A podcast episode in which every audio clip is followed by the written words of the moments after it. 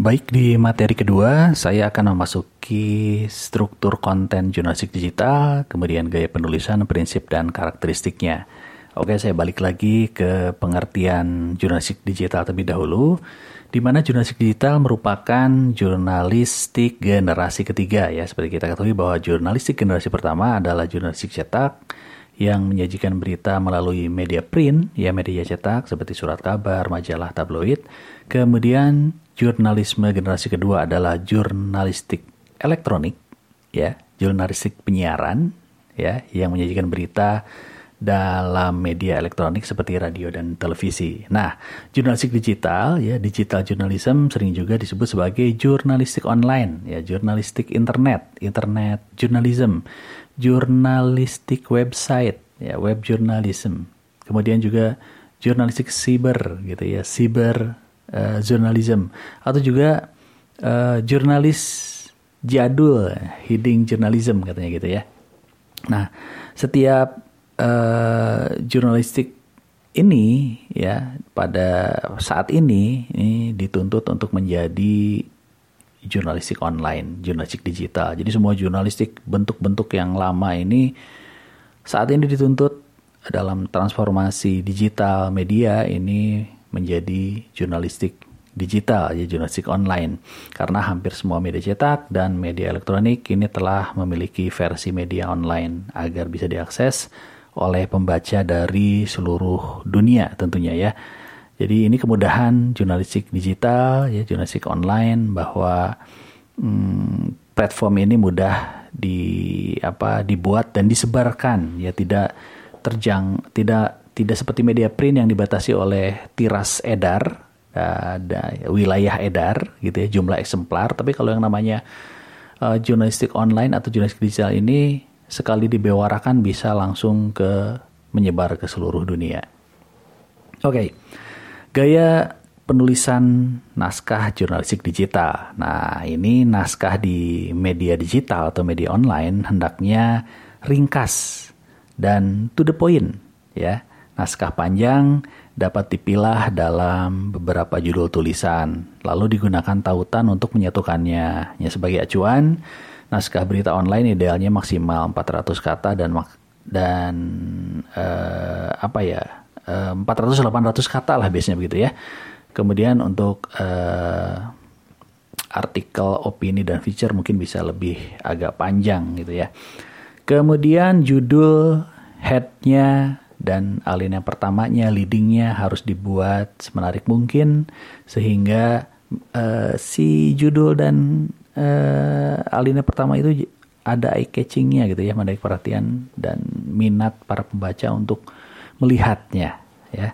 Karena sebagaimana di media konvensional, pembaca umumnya hanya membaca judul ya, kemudian juga teras berita, ya leading berita, ya paragraf pertama dalam sebuah tulisan dan umumnya lead adalah alinea pertama dari sebuah naskah artikel berita tersebut, ya. Begitu pula eh, apa kalimatnya juga kalimatnya mungkin di sini harus yang bisa menampilkan isi berita yang paling menarik ya, sebagai eye catcher tadi ya jadi si leading ini benar-benar jadi tumpuan agar pembaca dapat terus membaca ke paragraf-paragraf selanjutnya ya ke konten yang berada di dalam uh, berita ya. Nah, kemudian uh, tubuh berita biasanya diformat dalam bentuk singkat dan padat karena informasi terus mengalir dan berubah sewaktu-waktu. Namun kelengkapan informasi tetap terjaga karena antar berita yang satu dengan berita yang lainnya bisa dikaitkan, ya, dilingkan gitu ya, ada hanya dengan satu klik. Ya, jadi bisa saling terkait kalau di media digital itu. Nah, pendekatan piramida terbalik lebih intens ini digunakan dalam penulisan berita jurnalistik digital, yaitu benar-benar mengedepankan yang paling penting dan mendesak diketahui oleh pembaca. Apalagi jika berita itu di-share ke media sosial seperti Facebook misalnya ya, maka yang tampil di Facebook itu biasanya ya judul atau alinea pertamanya yang muncul gitu ya. Jadi itu memang harus sedemikian rupa menarik kenapa kita harus memperhatikan judul dan paragraf pertama atau leading berita karena biasanya kalau di-share ke media sosial ya nanti yang muncul tuh itu ya, yang muncul duluan atau terlihat di media sosial. Nah, bahasa jurnalistik juga kian penting berperan mengingat karakter bahasa jurnalistik yang lugas, ringkas, sederhana, dan mudah dipahami akan lebih apa ya menyenangkan untuk dibaca oleh para pembaca, apalagi sekarang ya para pembaca milenial yang pengennya yang yang ringkas-ringkas saja ya. ya tidak mau dia hmm, orang apa masyarakat atau kaum milenial ini membaca sesuatu yang bertele-tele membaca yang sesuatu yang panjang-panjang. Dia pengen yang lugas, ringkas, sederhana dan mudah dipahami. Ya. Nah, dalam prinsip jurnalistik online ini menurut Paul Bradshaw ini ada lima prinsip dasar jurnalistik online yang disingkat dengan basic ya B-nya itu brief brevity kemudian adaptability scannability interactivity dan terakhir community ya jadi begini, kalau uh, brevity artinya ringkas ya, tulisan harus dibuat seringkas mungkin ya, tidak panjang dan bertele-tele. Yang tadi saya sudah jelaskan ya bahwa uh, orang lebih menyukai uh, berita yang langsung menuju sasaran gitu ya. Nah, sebaiknya uh, tulisan panjang diringkas menjadi beberapa tulisan pendek agar dapat dibaca dan dipahami dengan cepat. Istilah umumnya keep it short and simple. Gitu ya kiss katanya gitu ya. Nah e, tidak seperti media print yang memang beritanya e, panjang ya tulisannya panjang selengkap mungkin. Tapi kalau di media digital di media online diringkas menjadi beberapa tulisan pendek saja gitu ya. Nah kemudian adaptability. Ini mampu beradaptasi. Ya dalam menyajikan berita atau informasi jurnalis harus bisa beradaptasi dengan perkembangan teknologi bidang komunikasi. Jadi bukan hanya menulis berita, jurnalis juga dituntut untuk mampu menyajikan berita dengan keragaman cara penyajian, ya bukan hanya tulisan tapi juga disertai gambar, ya atau bisa juga disajikan dengan format video, ya dijadikan juga dengan format audio, ya suara. Kemudian jurnalis juga harus mampu menyesuaikan diri dengan kebutuhan dan preferensi pembacanya. Ya, kalau misalnya preferensi pembacanya, wah ini masyarakat uh, muda, kaum milenial, ini biasanya milenial suka dengan tambahan visual, ada videonya, ada audionya, ya itu lengkapilah. Ya, inilah uh, kemampuan atau skill dari para jurnalis di ranah jurnalistik digital. Jadi harus ada kemampuan lebih ya, tidak hanya bisa sekadar membuat beritanya, konten teksnya, tapi juga videonya, audionya, animasinya dan lain sebagainya. Oke, okay. selanjutnya adalah scannability. Ini dapat dipindai ya. Nah, situs atau laman atau halaman web jurnalis ini dituntut untuk uh, memiliki sifat yang dapat dipindai ya untuk memudahkan pembaca. Sebab sebagian besar pengguna situs tersebut melakukan pencarian secara spesifik ya dengan memindai halaman web. Nah, pembaca akan mencari informasi utama, kemudian subheadingnya apa, linknya apa, dan lain-lain untuk membantu navigasi teks sehingga tidak perlu melihat monitor dalam waktu yang lama. Nah, oleh sebab itu, penentuan judul berita sangat penting dalam menarik minat pembaca terutama dua kata pertama pada judulnya ya. Ini juga itu mampu mampu cepat dipindai di scan dengan mudah ya. Dapat dipindai dengan cepat. Selanjutnya adalah interactivity ya interaktivitasnya. Jadi pembaca dibiarkan menjadi pengguna dalam artian memberikan keleluasaan pada pembaca untuk memberikan tanggapan atau komunikasi lainnya pada jurnalis melalui halaman uh, situs tersebut ya. Nah, dengan begitu pembaca akan merasa bahwa dirinya dilibatkan dan dihargai sehingga mereka semakin merasa senang membaca situs atau portal news tersebut ya. Kemudian community and conversation. Jadi komunitas dan percakapan. Nah, pembaca media online tidak hanya bersifat pasif ya dalam membaca berita. Seperti ketika kita membaca berita pada koran atau melihat televisi, ya kita nggak bisa komen ya. Nah, sebab kalau di media online memungkinkan pengguna untuk melakukan percakapan, ya percakapan pendek untuk menanggapi isi berita, misalnya melalui kolom komentar, ya.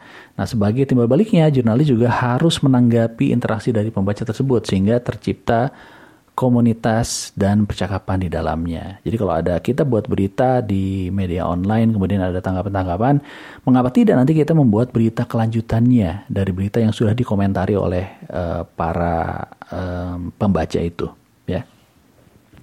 Kemudian kita bicara tentang karakteristik jurnalistik digital, ya, karakteristik jurnalistik online ini.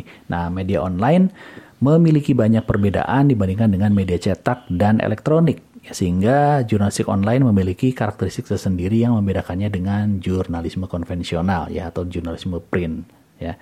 Berikut beberapa karakteristik jurnalisme online. Yang pertama adalah audience control. Nah, dalam jurnalistik online, audien ya pembaca, pengguna atau pengunjung situs diberi keleluasaan untuk memilih berita atau informasi yang diinginkan Ya, dengan begitu audiens dapat terlibat langsung untuk menentukan urutan bacaan dari mana lalu menuju ke mana gitu ya, dari topik mana ke topik mana, bahkan loncat dari tahun ini ke tahun ini ke belakang lagi ke beberapa tahun belakang gitu ya. Nah, audien tidak hanya pasif menerima struktur atau urutan berita dari penerbit seperti pada media konvensional ya kalau di koran ya udah halaman 1 sampai halaman 16 gitu ya itu aja gitu berurut ya tapi kalau di media digital kita bisa loncat-loncat ke mana-mana ya ke ke dalam satu edisi yang sama ke edisi yang berbeda bahkan ke tahun yang berbeda. Yang kedua adalah imediasi. Dalam jurnalistik online, dalam jurnalistik digital, ini setiap kali berita diposting, maka berita itu akan langsung bisa diakses, dibaca oleh audien dari seluruh dunia. Ya, waktu yang diperlukan untuk menyampaikan berita tersebut jauh lebih cepat dibandingkan media konvensional yang memerlukan proses pencetakan ya dan pengiriman gitu ya. Kalau koran kan begitu ya, dicetak, dikirim, kemudian juga terbatas oleh wilayah edarnya yang misalnya cuma regional Jawa Barat ya cuma tersebar di Jawa Barat saja. Kemudian juga terbatas oleh tirasnya, oleh jumlah eksemplarnya ya. Jadi cuma dicetak 10 ribu ya udah disebarinnya cuma ke 10 ribu orang ya terbatas gitu ya. Nah, informasi atau berita tersebut juga dapat langsung diakses oleh penggunanya tanpa perlu perantaraan pi apa pihak ketiga. Nah, kalau media digital kan ya media online itu tidak perlu perantara, langsung dari si pembuat berita langsung dibaca oleh halayak pembaca dan tidak terbatas jumlahnya, ya. Oke. Selanjutnya adalah multimedia capability. Nah, media online memungkinkan jurnalis menggunakan berbagai cara dalam penyajian berita. Nah, berita dapat disajikan dalam bentuk teks, suara, gambar, video, audio, apalagi uh, animasi dan lain sebagainya, ya. Kemudian selanjutnya yang keempat adalah non-linearity. Nah, berita-berita yang disajikan oleh jurnalistik digital bersifat independen. Ya, setiap berita dapat berdiri sendiri sehingga audien tidak harus membaca seluruh rangkaian berita secara berurutan ya untuk dapat memahami isi berita. Kemudian yang kelima storage and retrieval. Nah, media online, media digital memungkinkan karya para jurnalis online tersimpan secara abadi ya sehingga audiens dapat dengan mudah uh, mengakses kembali ya kapan pun audien membutuhkan ya. Jika ingin, audien juga dapat menyimpannya tersendiri. Nge-save lah di desktop ya, nge-save di folder mana pun yang ya uh, biasa untuk mendownload misalnya ya, seperti itu. Kemudian yang keenam adalah unlimited space ya dalam jurnalistik online ruang bukan menjadi masalah jadi halaman ya page-nya itu tempat informasi atau berita disajikan tak terbatas ukuran serta jumlah sehingga artikel dapat dibuat sepanjang dan selengkap mungkin untuk memenuhi kebutuhan pengguna. Ya ini yang yang sering salah ya bahwa jurnalistik uh, digital juga kenapa sih harus pendek-pendek? Sebenarnya panjang nggak nggak jadi masalah, tidak dibatasi kok lahannya, tidak seperti di koran atau di majalah ya yang dibatasi misalnya tulisan paling panjang satu halaman gitu ya. Nah kalau di Jurnalistik digital kan sebenarnya tidak terbatas ya, unlimited space. Silahkan sepanjang apa pun ya. Kemudian yang ketujuh adalah interactivity. Nah, di sini jurnalistik online, jurnalistik digital ini memungkinkan terjadinya interaksi langsung antara audiens dengan berita atau informasi yang dibaca, termasuk juga redaksi wartawan, ya seperti uh, kita lihat dalam uh, kolom komentar di media sosial, ya seperti yang tadi sudah saya jelaskan sebelumnya ya bahwa uh, sebuah berita di media digital itu bisa langsung dikomentari oleh para pembacanya dan nanti wartawan bisa mengomentarinya lewat berita selanjutnya, ya berita tambahannya, berita pelengkapnya, ya kurang lebih seperti itu.